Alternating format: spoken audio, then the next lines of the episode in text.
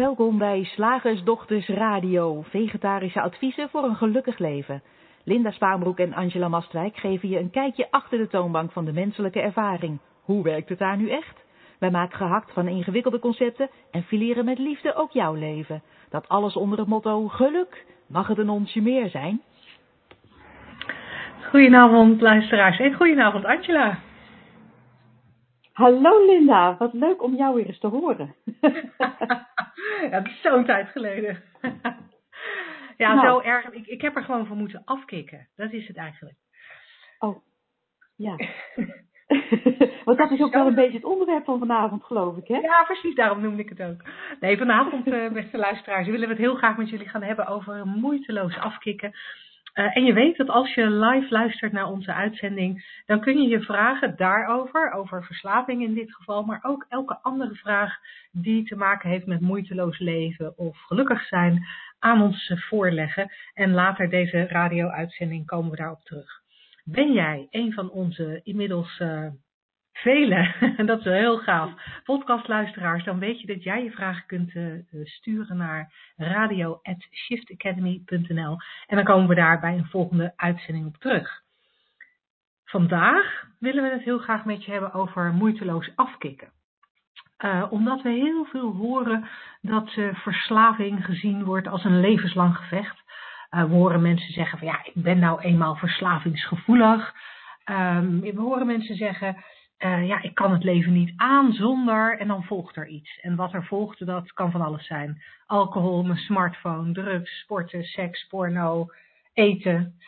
Ehm, en wij hadden zo bedacht, of je nou de hele dag bezig bent met je verslaving, of dat die verslaving sla- slechts af en toe de kop opsteekt.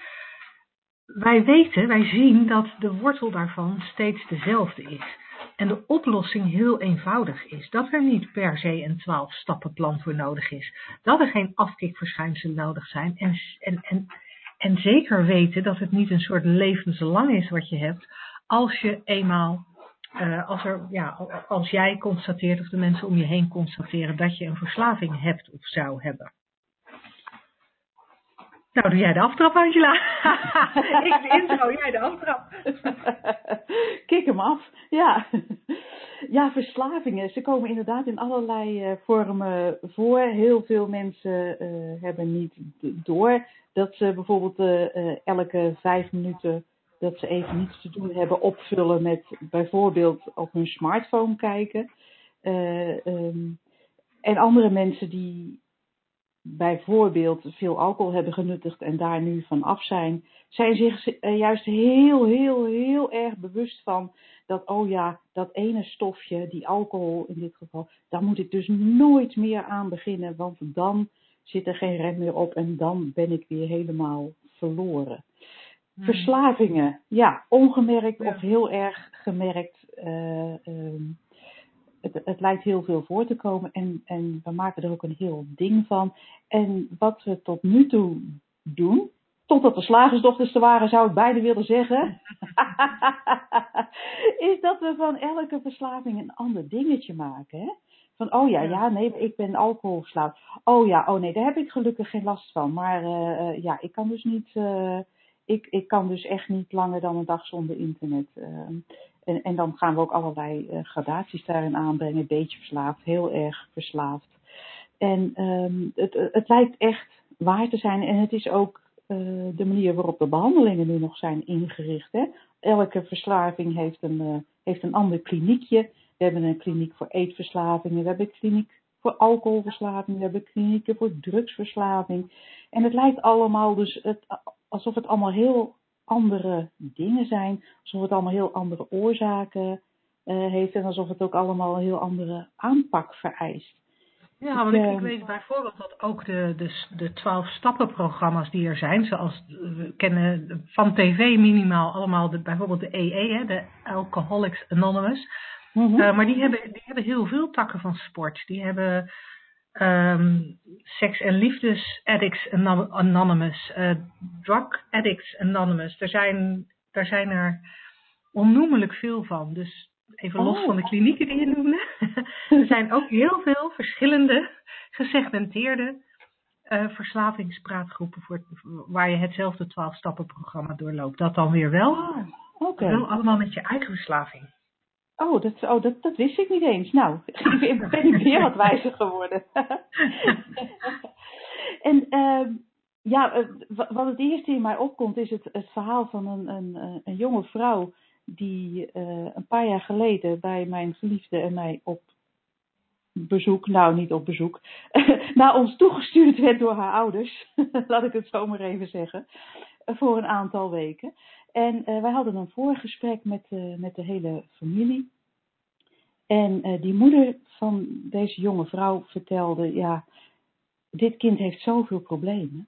Ze was op haar dertiende al begonnen met een, met een nou ja, begonnen eerst met roken. Dat vinden we dan allemaal nog, oké, okay, niet leuk, maar vooruit. Het, het, heeft nog geen associaties met criminele activiteiten. ja, en, en, zo, dat, dat nou goed. Uh, maar daarna was het al snel marihuana. En uh, ze brachten haar naar een kliniek om van haar marihuana-verslaving af te komen. En dat lukte. En ze kwam weer thuis en toen ontdekte ze cocaïne. En ze werd naar een kliniek gestuurd om van de cocaïne af te kicken. En dat, dat lukte schijnbaar. En ze kwam weer thuis. En toen uh, ontwikkelde ze een anorexia. Dus eigenlijk een, een, verslaving aan het niet eten. En ging ze naar een anorexia kliniek. En om daar vanaf te komen. En dat, nou ja, had enigszins succes in de zin dat ze weer een uh, redelijk gewicht op gewicht uh, kwam. En toen ging ze weer naar huis. En toen ontwikkelde ze bulimia en was ze verslaafd aan de, aan de pillen die ze in de verschillende klinieken had gehad om rustiger te worden. Bijvoorbeeld in, in anorexia klinieken schijnt het vrij gebruikelijk te zijn dat je uh, antidepressiva krijgt. Uh, dus daar was ze verslaafd aan en ze vond nog steeds alcohol toch wel erg lekker. En al vertellende, je zag je die moeder steeds eigenlijk dieper in de put zakken van ik, ik weet het niet meer en elke keer als ze dan afgekikt lijkt te zijn, dan stapt ze weer over ergens anders op. Verslavingsgevoelig is dan ook een woord dat opkwam. En eigenlijk zag ik direct, omdat wij nou eenmaal deze kant op kijken, van, van die drie principes, dat er, dat er steeds in elke verslaving bij dat meisje het, het, hetzelfde aan de hand was. Er was eigenlijk maar één probleem en dat was niet zo'n probleem. en dat was het feit dat het meisje gewoon niet had geleerd, zoals wij dat geen van allen hebben geleerd, dat, dat, dat je als je een mens bent in een mensenlijf, dat je dan wel eens ongemakkelijk voelt, omdat je bepaalde gedachten hebt. Daar, daar doe je verder niet zoveel aan, dat gebeurt gewoon. Uh, en, maar, maar zij leeft dus onder het misverstand dat, uh, uh, dat je je niet ongemakkelijk mocht voelen en dat er iets te doen was om van die ongemakkelijke gevoelens af te komen. En ja, zij, zij nam dan wat voor haar voor de hand lag. En dat waren dus al die middelen en, en, en het niet eten, of het, of het juist veel eten en overgeven en de kalmerende middelen. En elke keer was er dus wel een ander uh, doekje voor het bloeden, zoals ik het wil, zou willen noemen. Maar de enige wortel was, was, was steeds dat, je, dat, dat zij niet zag van hé, hey, uh, ongemakkelijke gevoelens, daar hoef je niks mee die kan je gewoon laten voor wat ze zijn. Ja. Ze gaan vanzelf weer over. Het is een eb en vloed wat nou eenmaal plaatsvindt in het menselijk denken en menselijk lichaam.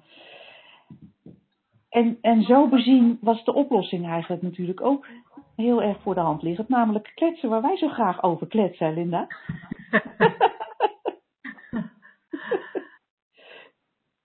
Ja, en het is, het is fascinerend hè? Hoe, hoe in veel van onze gesprekken en in veel van onze radio-uitzendingen uh, toch steeds weer terugkomt uh, dat, dat oncomfortabele gevoel, dat, dat, dat hebben van, ja, van een emotie, een gevoel wat we niet zo fijn vinden en waarvan we dan, ja, waarvan we denken dat hij weg moet, waarvan we willen dat hij weggaat en dan gaan we er iets aan doen. En soms inderdaad zo eenvoudig als dan toch nog maar weer eens een keer je telefoon checken. Um, ja, gewoon zodat je je niet hoeft te vervelen of niet, hoeft, uh, niet ge, ge, geplaagd wordt door gedachten die je misschien even niet wilt hebben. Um, zodat je op die manier dat, dat, dat oncomfortabele gevoel bij je vandaan houdt. En andere mensen kiezen minder sociaal geaccepteerde vormen om hun nare gevoel weg te krijgen.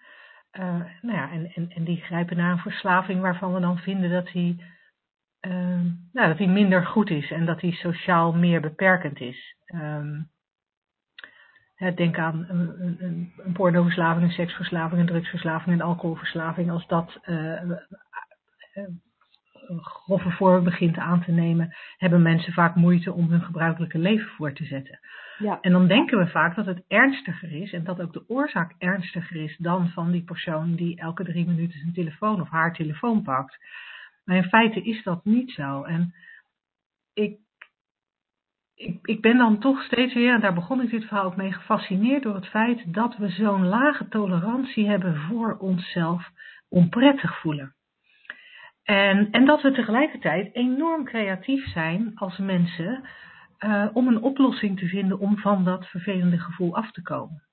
En ieder kiest daar zijn eigen middel voor. Maar het enige wat we eigenlijk doen met een verslaving, het enige wat we in onze onschuld willen en proberen te bereiken, is, is ons goed voelen. Is niet, niet, niet dat oncomfortabele gevoel hebben. En waar we aan voorbij gaan, um, en, en daar, daar hintte jij daar net natuurlijk ook al naar, waar we aan voorbij gaan, is dat dat het gevoel van ons goed voelen, het welzijn, al in ons zit. Altijd. En de enige reden waarom we het niet voelen, is omdat we gedachten hebben die ons een andere kant op sturen. Omdat we gedachten hebben en ons bewustzijn, ja, met onze zintuigen, maakt daar een, een, een soort horrorstory van. En een, een, een, horror, een horrorfilm of een hele dramatische film of een hele enge film wat het dan ook is, we, we, we willen dat niet. Uh, grijpen dan naar middelen buiten onszelf om dat gevoel even te doven. Of om die eigenlijk niet om het gevoel te doven. Wat we eigenlijk doen, zonder dat we het in de gaten hebben, is dat we ons, ons denken van dat moment even stoppen. Of een andere kant op sturen. Precies. En, en zouden, we, zouden we dat herkennen? Van hé, hey, hey, ik, ik, ik gebruik inderdaad die alcohol, die drugs, die seks, wat het dan ook is, alleen maar om even te stoppen met het denken van het denken waar ik, waar ik me zo rot door ga voelen. Als je dat alleen al ziet, dan kan je, nou dan kan je al, dan kan je al andere acties kiezen. dan hoef je niet per se, um, dan hoef je niet per se naar het verslavende middel of de verslavende handeling te grijpen dan zou je ook kunnen denken of kunnen kijken naar het feit dat de gedachten die je hebt weliswaar allerlei emoties bij je oproepen. Want zo werkt het systeem nu eenmaal. Gedachten uh, roepen gevoelens en emoties op. Maar dat die gedachten in zichzelf helemaal niks zijn, jou geen kwaad kunnen doen. En dat als je het systeem de kans geeft, het systeem altijd weer teruggaat naar zijn uitgangspunt. En het uitgangspunt is welzijn. Ja, ik denk dat dat ook heel belangrijk is om, uh, om te benadrukken. Dat je, dat je standaard instelling uh, als mens welzijn is. En dat, uh, een goed gevoel, zo zou, je, zo zou je het kunnen omschrijven. Maar dat, daar ben ik altijd een beetje voorzichtig mee. Maar dat, dat, dat, dat verbinden we vaak aan, aan dingen buiten ons. Maar maar dat, dat welzijn, dat is misschien wel het mooiste woord wat we kunnen gebruiken daarvoor. En dat, dat is je, daar word je mee geboren. Dat gaat echt nooit weg. Al zit je nog zo, uh, uh, zo zwaar aan de drank of, of dagelijks aan de drugs. Dat welzijn kan niet weg. Maar het wordt wel over het hoofd gezien door het feit uh, dat we inderdaad die gedachten hebben. Ja. En, ehm, ja, en, en ook nog een, een aspect, het, het feit dat we, dat we denken dat een verslaving dus je hele leven blijft. Hè? Dat vind ik ook zo'n zo'n jammerlijk misverstand. En ik, ik moet ook weer terugdenken aan een gesprek wat, wat, uh, wat mijn geliefde ooit had online met een, met een Amerikaan. Die, die dus uh, een, 12-step programma had gedaan. Waarin dus wordt benadrukt. Volkomen onschuldig, hè? Want ik bedoel, er zijn ook veel mensen die profijt hebben van zo'n 12-stap programma. En um, dus ik, ik wil daar niet ik ben daar zeker niet tegen. Maar er wordt elke keer weer benadrukt van, nou ja, ik ben Kees, ik zeg maar even Kees, en ik ben alcoholist. Ook al heeft zo iemand in feite 30 jaar geen, geen druppel alcohol meer gedronken. En, en ik hoorde in dat gesprek zo uh, uh, mijn vriend dus zeggen, steeds terugkomen op het feit dat de man met wie hij sprak ooit in een, uh, in een taxi had gereden. En daar kwam hij maar steeds op terug, totdat die man heel erg geïrriteerd zei, maar ik ben al lang geen taxichauffeur meer. Waarop mijn geliefde zei, net zoals jij dus geen verslaafde bent.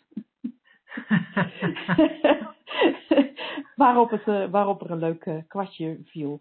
En ja, we, we doen net alsof, alsof we uh, uh, slachtoffer zijn van verslavingen, terwijl jij en ik hebben gezien en uh, om ons heen en in, in de, binnen de Three Principles gemeenschap waar wij dan ons wel eens in begeven, dat het eind aan je verslaving echt, echt maar één gedachte bij je vandaan is. En dat, dat ware oplossing echt mogelijk is. En dat vind ik heel, heel belangrijk om te melden. Want dit is toch een heel andere boodschap die, dan die we normaal krijgen. En ja. erg, hoop, erg hoopvol. Ja, ja. ja, inderdaad.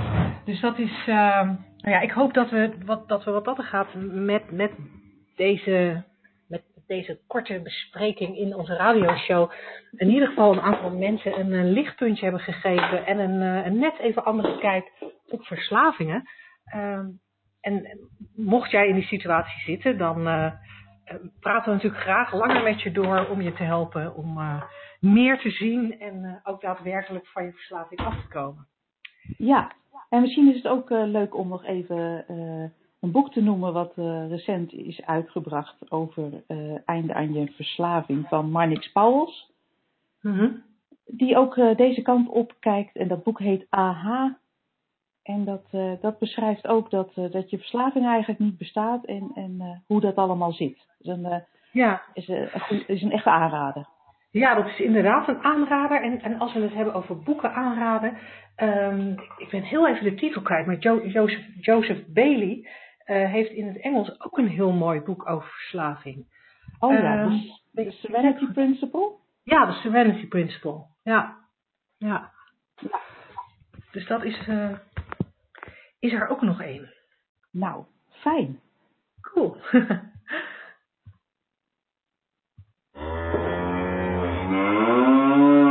Slagersdochters, wat zit er in de leverworst? Oftewel, tijd voor wat wetenschap. Ja, daar gaan we weer de wetenschap in. En uh, deze keer gaat het over neurowetenschappen. En heb ik een uh, prachtige TED-talk gekeken. Hij, hij wordt ook steeds populairder. Er hebben al heel veel mensen naar gekeken. Dus misschien dat luisteraars hem wel herkennen. Dat is uh, de neurowetenschapper Anil Set, als ik het goed uitspreek. En uh, hij vertelt hoe ons brein ons, onze realiteit hallucineert. Zeg dat nog eens. Dus erg, hoe ons brein onze realiteit hallucineert. Oké. Okay. ja, ja, dus één, één, waar wij vaak uh, praten over uh, uh, de illusie, hè, de illusie van de vorm, mm-hmm. noemt hij het een één grote hallucinatie. Oké, grappig. nou, ja, is ook weer een, weer een net iets andere invalshoek en toch heeft erg veel binding met, met wat wij hier altijd vertellen. En hij begint een, met een verhaaltje over bewustzijn. Uh, als je namelijk ontwaakt uit een, uit een diepe slaap, een gewone slaap zou ik maar zeggen, dan zegt hij van nou ja, dan weet je misschien even niet hoe laat het is. Hè? Je bent wel eens eventjes verward en oh, waar ben ik? Uh, heb ik me verslapen? Maar je weet altijd wel ergens van oh ja, oh ja, ik, uh, ik ben in slaap gevallen en nu ben ik weer wakker. En, en nou ja, daar daar is dan een bepaalde tijd tussen verstreken. Maar hij zegt als je dat vergelijkt met ontwaken uit een narcose, als je dus echt buiten bewustzijn bent is dat heel anders. Hè? Want in de gewone slaap, als je iemand uh, uh, uh, een flinke por geeft, wordt die meestal wel wakker. Ben je onder narcose, dan kan je porren wat je wil. Dan kan je zelfs snijden en hè, dat, daar is het voor bedoeld. Mm-hmm. Dan kan je snijden en, en van alles doen met zo'n lichaam zonder dat daar iets van gemerkt wordt. En als je uit narcose komt, dan heb je ook geen idee hoe lang je bent weg geweest. Het is een soort magie, zegt hij. Want als je als mens onder narcose gaat, dus echt buiten bewustzijn bent, hij zegt, dan ben je even geen mens meer, maar een soort object. En als je eruit komt, hopen we dat je dat weer mens wordt. Ja. En, en hij noemt het hart van dit proces, dus, dus het, het, het bewustzijn verliezen door narcose, eh, is een van de laatste grootste mysteries van de wetenschap en de filosofie. Want hoe ontstaat nou bewustzijn? Nou, daar hebben we al heel veel invalshoeken over besproken, hè, Linda, van allerlei verschillende eh, wetenschapssoorten. En, Nou, wat, hij- eh, en wat zegt deze wetenschapper erover? Ja, hij zegt binnen ons brein genereert die activiteit van, van die miljarden neuronen, die allemaal een, een heel klein biologisch machientje zijn, een bewuste ervaring. Maar niet zomaar een bewuste ervaring, het is jouw bewuste ervaring in het hier en nu. En hoe kan dat nou? Ons bewustzijn, zegt hij, is eigenlijk voor iedereen alles wat er bestaat. Want zonder bewustzijn is er geen wereld. Hè? Als je onder narcose bent buiten bewustzijn, dan is Ja. er voor jou geen wereld. Dan is er geen zelf. Hè? Want ze kunnen in je snijden, maakt allemaal niet uit. Er is helemaal niets. En als wij lijden, als we wakker zijn, hè, dan, dan komt dat omdat er iets in ons bewustzijn gebe- gebeurt. We lijden bewust, mentaal of Ja. fysiek. Maar dat kunnen we alleen ervaren als we bewust zijn. Hmm. En hij zegt, Ja. en als wij nu vreugde en lijden kunnen ervaren in ons bewustzijn, hoe zit het dan met, met dieren? Hebben die ook een bewustzijn en, en computers? Hij zegt, nou, volgens mij is dit echt alleen voor de mens eh, een, een, een, onderdeel van het bestaan. En kunstmatige intelligentie ziet hij dan ook, ook niet zo zitten. Maar hoe genereren we nou een ervaring van de wereld rondom ons heen en een ervaring van onszelf in die wereld? Nou, en, en, en Dr. Seth die ziet dat dus gewoon als een soort gecontroleerde hallucinatie die plaatsvindt met, door en vanwege het feit dat we een leven, levend lichaam hebben. Hij eh, heeft een, eh, een lab aan de Universiteit van Sussex. En eh daar zijn allerlei wetenschappers uit allerlei disciplines en soms zelfs filosofen aan het werk. En met z'n allen proberen ze daar nou te begrijpen hoe dat bewustzijn ontstaat en wat er gebeurt als het, als het misgaat. En, en daarvoor kijken ze naar alle eigenschappen van, van bewustzijn. Ehm, want wat moet het nou verklaren? Eh, er zijn ervaringen van de wereld om ons heen, hè, dat, eh, waar wij het vaak over hebben. Je bewustzijn geeft geur, smaak en kleur aan, eh, aan al die ervaringen. Hij zegt maar, dat is eigenlijk heel raar, want ervan uitgaand, zijn uitgangspunt, hè, dat, dat, uit het, dat dat in het brein gebeurt. Mhm. Ehm, ja, dat, dat brein zit opgesloten in een schedel. Daar kan, niet, daar kan niks bij. Daar kan, geen, eh, daar kan geen licht in, daar kan geen geluid in. En de enige aanwijzingen die je, die je krijgt vanuit de buitenwereld zijn elektrische impulsen. En Mhm. die houden maar indirect verband met de dingen in die wereld. En, en eigenlijk is onze perceptie, onze waarneming, is een proces van gokwerk. Waarbij het brein dus al die zintuigelijke informatie eh, voegt bij verwachtingen die het brein heeft en aannames die het brein heeft over de wereld. En daarmee gokken we wat er daarbuiten plaatsvindt. En ik vind het grappig dat hij dat zo omschrijft, Linda, want eh, in, ik geloof dat het in de laatste uitzending was, daar hadden we het over kwantumfysica, andere tak van wetenschap, andere tak van sport. En daar zei men eigenlijk precies hetzelfde over de waarnemer in kwantumfysica, dat een waarneming eigenlijk een, een, eh, een gok was gebaseerd op, op eerdere waarnemingen. En nu zegt deze Anil Set dus dat jouw brein hetzelfde doet. Het krijgt, ja, het krijgt elektrische impulsen binnen op alle, van allerlei gebied. En het gokt dan wat er daarbuiten is. en hij laat in dat filmpje, dat is wel leuk om te zien, ook allemaal uh, uh, voorbeelden zien van beelden waar, waar, waar, je brein volledig gokt wat, wat er is, terwijl het er eigenlijk niet is. Bijvoorbeeld kleurverschillen en open vlakken waar, waar, waar het brein gokt dat er een driehoek is. Hè. Die, die, die afbeelding kennen we allemaal wel. dan wordt er zo'n Ja. driehoek opengelaten. En, en dan vraagt men aan je van waar is de driehoek? Nou, iedereen wijst feilloos dat witte vlak aan. Maar daar is Ja. helemaal geen driehoek. Eh, daar is niets. Maar je brein... Nee, dat, dat, dat grapje hebben wij natuurlijk met ons logo ook uitgehaald. Ja! dat, de, dat de I in, in, de, in, in Shift Academy is er helemaal niet. Nee, precies. Ja, dus als mensen nu, nu zich afvragen waar hebben ze het over. Nou, als je, als je naar onze site gaat, of waarschijnlijk zit je daar nu ook om, om te luisteren. En je kijkt naar de, naar de i in shift. Nou, iedereen herkent moeiteloos dat dat een i is. En toch staat die er niet. Het is slechts een open ruimte. En, dat je, en nu kan je denken van, goh, hè, hè, wat een, wat een, een eh, ja, flauw grapje. En, de- en het is logisch.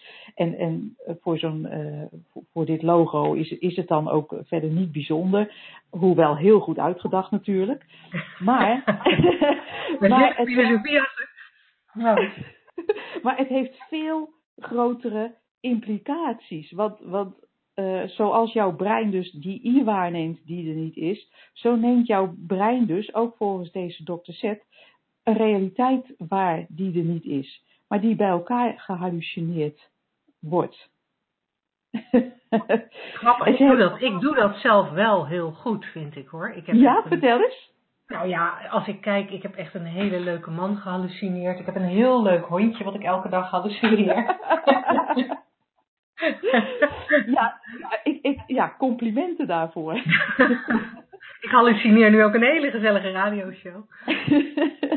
ja, en wat, en wat leuk hè, dat we daar dus vervolgens ook van alles van kunnen vinden en dat allemaal mee kunnen maken. En eh, het is één grote speeltuin, dat mens zijn.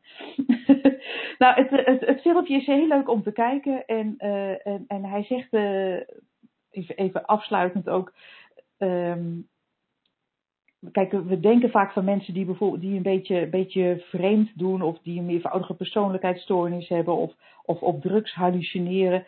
Eh, hij zegt ja, dat is eigenlijk, eh, die hallucinaties zijn ongecontroleerde percepties. Maar onze huidige perceptie is ook een soort hallucinatie, waarbij we gewoon eh, voorspellingen doen met het brein, die we vervolgens waarnemen. En in feite hallucineert iedereen dus voortdurend met inbegrip van nu. Alleen als we het eens zijn over onze hallucinaties onderling, dan noemen we dat realiteit. en, dat is, en dat is natuurlijk zo, zo grappig om, om je dat te realiseren. Dat we het hebben over, ja nee, maar dit is natuurlijk, kijk, dit is zo klaar als een klontje. Of, of nee, ja, maar dit zie je toch. En dan hebben we het over iets wat we, wat we toevallig dan allebei uh, bij elkaar hallucineren. En waar we het over eens zijn. En dat noemen we dan realiteit. Het is, je wel, het is wel heel handig om te, om te zien dat dat dus uiteindelijk niet waar uh, is. En, en ik denk dat dokter Aniel Seth dan ook heel terecht uh, constateert dat als je, als je dit daadwerkelijk ziet, hij zegt dat, dat is een echte paradigmaverschuiving. En het, uh, in, in de orde van grootte van de ontdekking van Copernicus. Hè. Wij zijn niet het middelpunt van het heelal, maar oh, wij draaien ook maar een beetje rond die, rond die zon. Hè. Dat, toen dat duidelijk werd, uh, uh, vielen er een heleboel vragen op zijn plek. Hij zegt, nou, dit is uh, een ontdekking van dezelfde orde van grootte. Er is geen uh, realiteit out there onafhankelijk van jouw percepties daarvan. En ja. ja. dat is natuurlijk heel mooi, sluit dat ook aan bij wat wij zo graag communiceren over die drie principes. Dat je ja, je leeft en je beleeft niet een onafhankelijke buitenwereld, maar het denken goed om je te realiseren. En ook leuk dat het ook weer van alle kanten uh, in andere takken van wetenschap uh, uh, ook wordt ontdekt. Leuk. Ja, heel cool. Dankjewel weer. Ja. Zeg, slagersdochters, hoe bak ik die vegaburger? Over naar de luisteraarsvraag. Nou, er is uh, één vraag uh, binnengekomen via, het, uh, via ons uitzendsysteem, zeg maar. Maar dat is wel een vraag van Maarten, die die vraag al ruim twee dagen geleden heeft um, ingetypt. En ik vermoed dat we de vraag al beantwoord hebben. Maarten zegt, ik heb een sessie gedaan van vier middagen bij Jellinek met de volgende vraag. Waar komt het vandaan dat ik graag bier drink? Vijf tot tien per dag. Mm -hmm. Het antwoord was vervolgens: de hoe wordt uitgelegd om het aan te pakken. Hm, die snap ik eigenlijk niet zo goed. Uh, mijn vraag, op mijn vraag heb ik geen antwoord gekregen. Jullie wel met de wortel. Nou, Maarten, ik, ik, ik denk van wel. uh, ik denk dat wij uh, helder hebben laten zien dat, dat, dat de wortel het een beetje tweeledig is. Het enerzijds geloven dat je gedachten waar zijn en het anderzijds um, ja, een soort van bang zijn voor oncomfortabele gevoelens en daar, uh, daar overheen, zeg maar, daarvan af willen. Um, tenminste, als die vijf tot tien biertjes per dag van jou uh, daar, daarvoor op gericht zijn. Voor hetzelfde geld zeg jij, nou, ik kan er zo mee stoppen. Ik vind het gewoon lekker. Zoals iemand anders vijf dropjes op een dag eet. Uh, drink jij vijf biertjes op een dag. Uh, dat kunnen wij natuurlijk niet voor je beoordelen. Maar ik hoop, ik hoop dat ons um, verhaal van daar straks je toch uh, wat nieuwe inzicht heeft gegeven in hoe je ook aan kunt kijken tegen het nou ja, meer gebruik van bepaalde middelen dan je zelf prettig vindt. Dus tot zover even de vragen die binnen was gekomen naar aanleiding van deze uitzending. Ik pak nog eventjes de vragen erbij die in de zomervakantie binnengekomen zijn. Maar daar moet mijn computer heel even over nadenken. je hebt ze niet eens allemaal even in je hoofd gestampt. nee. nee, nou en ik, uh, ik heb ze ook nee, nog niet oh, gezien. Maar... Ja, nee, daar komt hij. Um, we hadden een uh, aantal vragen van, uh, van Monique. Um, en nou, die gaan we zo over de komende tijd. gaan we er steeds één of twee van beantwoorden. En de eerste vraag van Monique was, en die heeft totaal niets met het onderwerp van vandaag te maken, maar ik vind hem wel heel leuk om te beantwoorden. Hoe denken jullie over het concept karma? Dat zelfs binnen dit leven acties naar je terugkeren, goede of foute acties. Is dat voor jullie ook alleen maar een gedachte waar we in geloven? Wat een leuke vraag. Ja, hè? Ja. je, gaat er helemaal, je gaat er helemaal spontaan van echoen.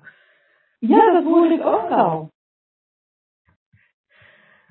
Nou, zal, zal, ik even, zal ik even beginnen met uh, te reageren op Monique's vraag, dat jij even kijkt of je opnieuw kan inbellen? Ja, dat is goed. Het is heel lastig naar je luisteren nu ineens.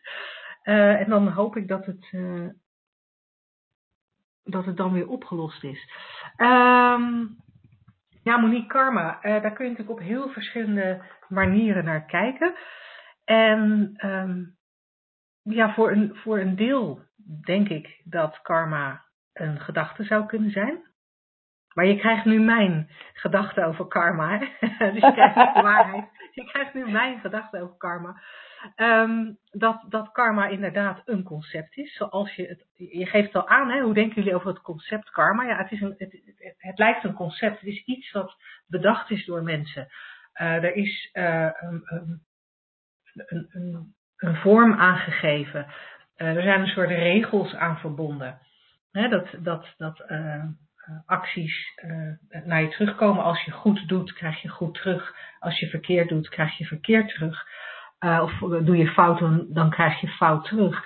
Um, ik denk dat dat, dat dat een concept is en daarmee een gedachte. Wat ik me wel kan voorstellen is, en, en, en dan ga ik even misschien een beetje off topic. Wat ik me wel kan voorstellen is dat je als je in de richting van de drie principes kijkt en meer en meer en meer gaat zien dat je onderdeel van de universele levensenergie bent. En meer en meer gaat zien dat we dat allemaal zijn. Iedereen. Iedereen en alles. Um, of we kijken naar de bomen, mijn hondje of uh, de buurvrouw. Um, we, we, komen allemaal voort uit diezelfde energie. We zijn dus, als je nog een stap verder uh, zet, we zijn allemaal één, in feite. En als, als dat iets is wat je heel helder ziet, dan is er niet meer zo heel veel reden om, om, om kwaad te doen. Um, waarom zou je jezelf pijnigen in feite? Waarom zou je jezelf kwaad, kwaad doen? Hè? Als we ervan uitgaan dat alles één is, als ik jou pijn doe, doe ik dus ook mezelf pijn. Nou, dat is misschien heel abstract en heel uh, ver, uh, ver gedacht. Um, doe, ik het, doe, doe, doe ik even iets minder abstract en kom ik terug bij dat niveau wat voor de meeste van ons net even, net even makkelijker te bevatten is, waar je net even minder hoofdpijn van krijgt als je het probeert te bevatten. Um, die gedachten waar we het steeds over hebben. Naarmate je meer en meer en meer gaat zien. En ik zeg het woord meer en meer en meer expres zo vaak, omdat het wel iets is wat, wat, wat ik steeds bij mensen zie, dat het in, in, in lagen plaatsvindt. Steeds, steeds wordt je grounding, zoals we dat in het Engels noemen, een beetje steviger. Of je ziet steeds een laagje dieper, of je bewustzijn wordt steeds een, een, een, een, een graadje hoger. Maar naarmate je meer gaat zien, en meer gaat doorzien dat gedachten niks anders zijn dan, dan een illusie. En naarmate je meer gaat zien dat, uh, ja, nee, laat ik het daar even behouden, dat, dat,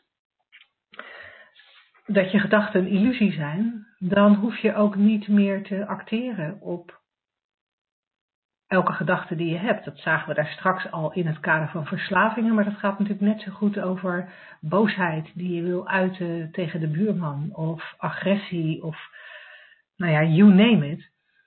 Um, die is niet meer nodig. Je, krijgt, uh, je wordt toleranter naar anderen toe, um, maar je wordt ook um, begripvoller naar anderen toe. Waardoor kwaad doen meer en meer onlogisch is. Waardoor je denk ik wel in een spiraal terecht kan komen waar het leven leuker is en de mensen leuker op je reageren. Want dat is een, een heel eenvoudig principe wat voor mij niks met karma te maken heeft, maar veel meer met ja, misschien wel energie.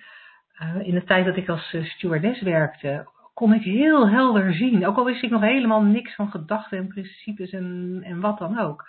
En was ik helemaal niet bezig met, met persoonlijke ontwikkeling of iets in die richting. Maar ik kon heel duidelijk zien, als ik met mijn verkeerde been uit bed gestapt was en met een rot humeur het vliegtuig instapte, dan kon ik nog zo mijn best doen om vriendelijk te glimlachen. Maar dan had ik, we hadden destijds een wijk, uh, zeg maar in zo'n vliegtuig met 50 passagiers. Nou, dan had ik van die 50 passagiers, dan waren er minstens 45 echt niet te pruimen.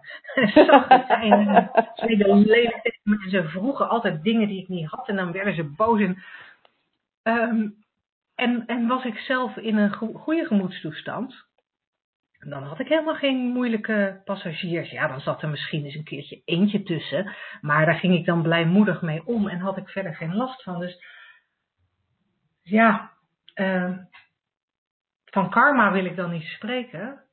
Maar je merkt wel dat als je zelf blijmoedig in het leven staat, dat de reacties die je terugkrijgt vaak ook veel blijmoediger zijn.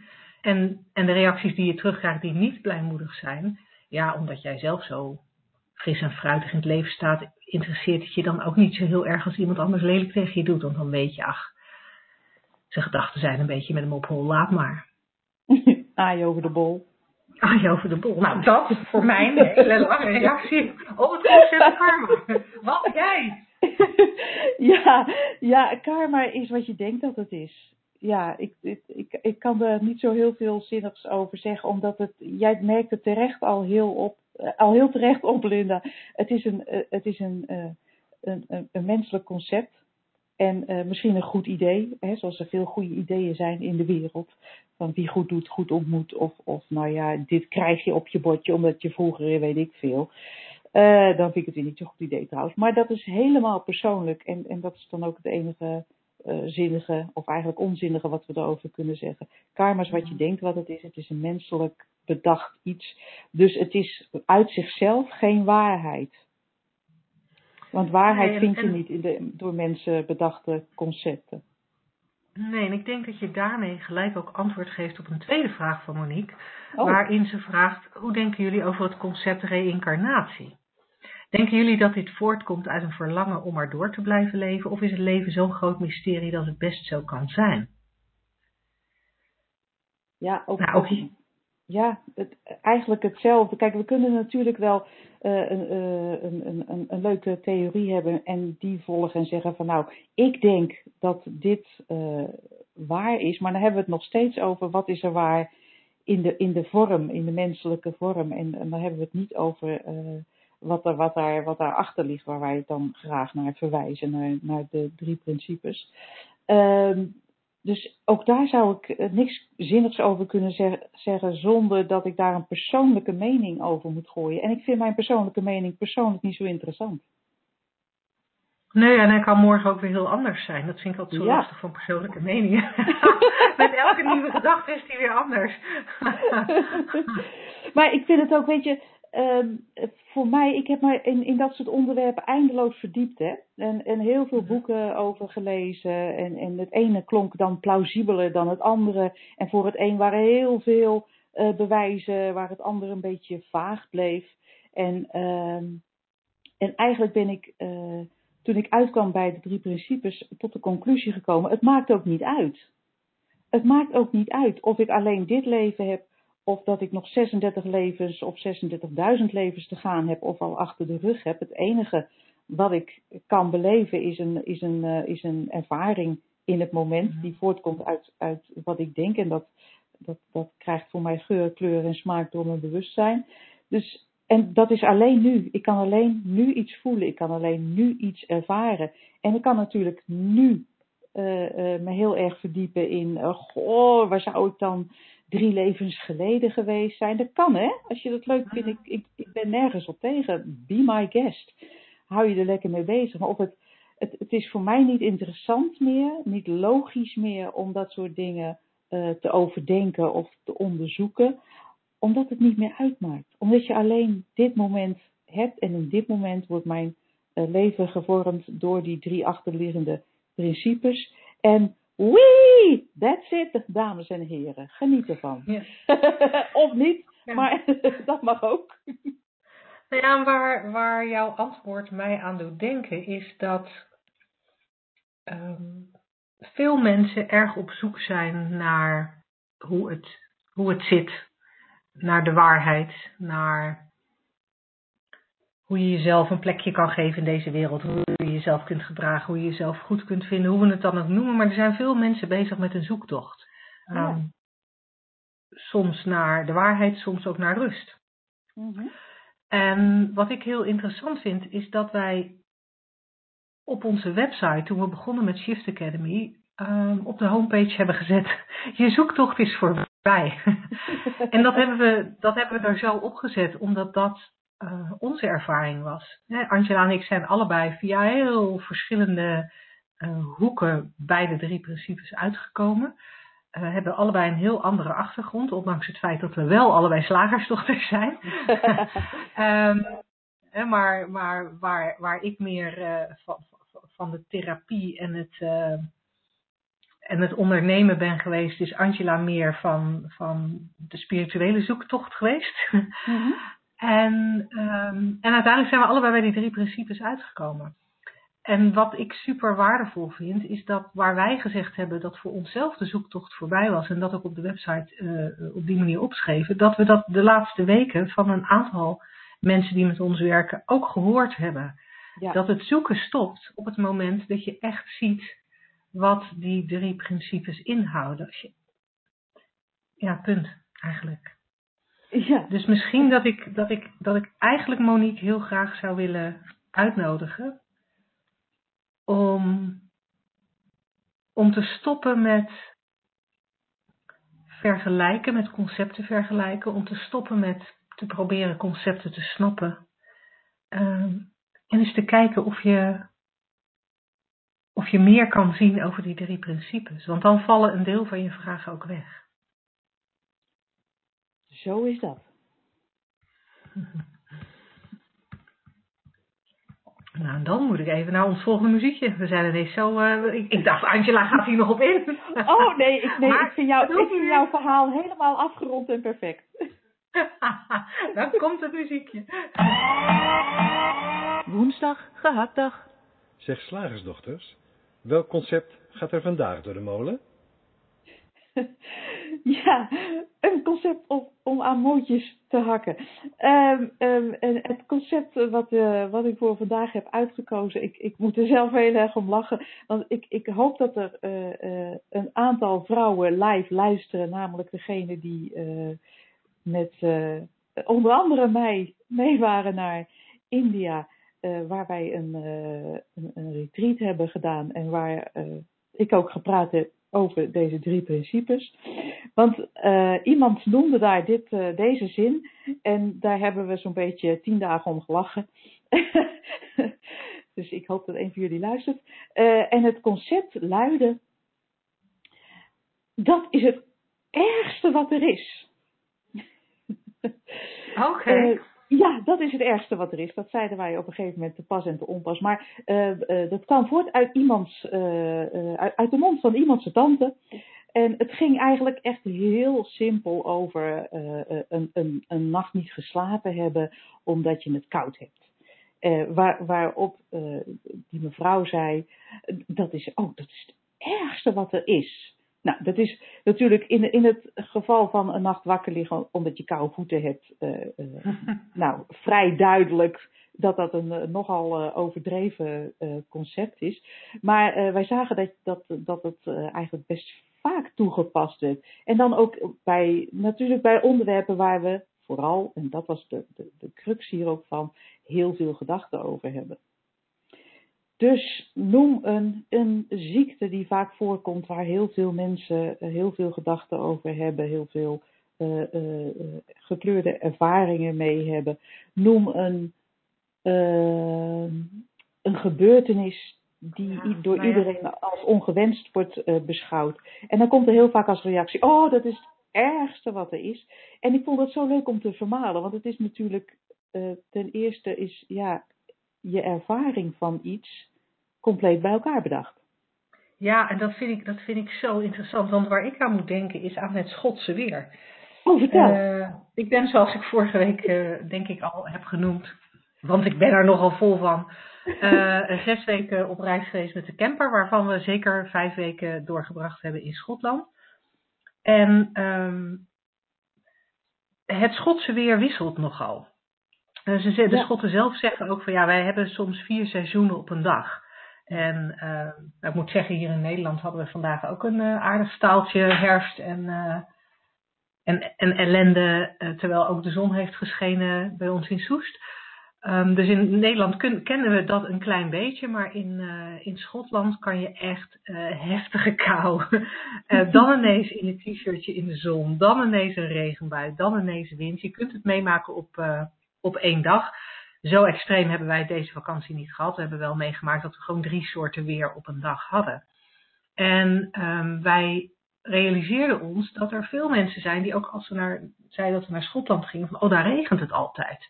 En wij zijn ook mensen tegengekomen die zeiden, ja nou we hebben echt jongen, we hebben echt al veertien dagen regen. En dan keken mijn vriend en ik elkaar aan en zeiden, wij zijn hier toch ook al veertien dagen. wij hebben helemaal niet veertien dagen regen.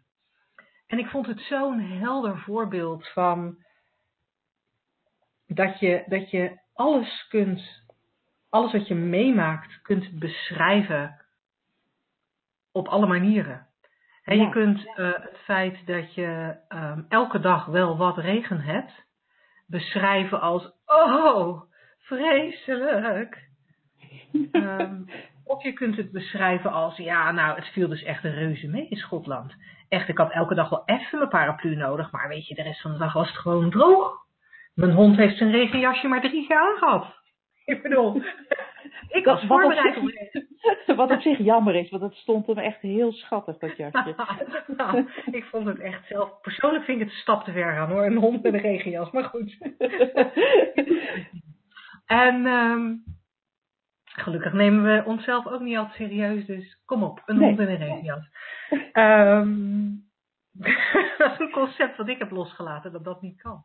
Ja. Um, maar ja, ik weet niet, ik weet niet of, ik mijn, of ik mijn punt heb gemaakt. Je, ik, ik, ja, ik zie het, want ik zie het zo, ik, ik zie het zo vaak en ik, ik, ik zeg wel eens ehm, tegen mensen in mijn omgeving. Van, ja, weet je, je kunt dit verhaal spinnen op elke manier zoals je dat wil. je, hebt natuurlijk ehm, in de media heb je spindokters. Die, die, die maken van een verhaal iets spannends of iets wat juist niet spannend is, al naar gelang het doel dat zij ermee hebben. Maar ik heb wel eens het idee dat wij dat ook doen met de ervaringen in ons leven.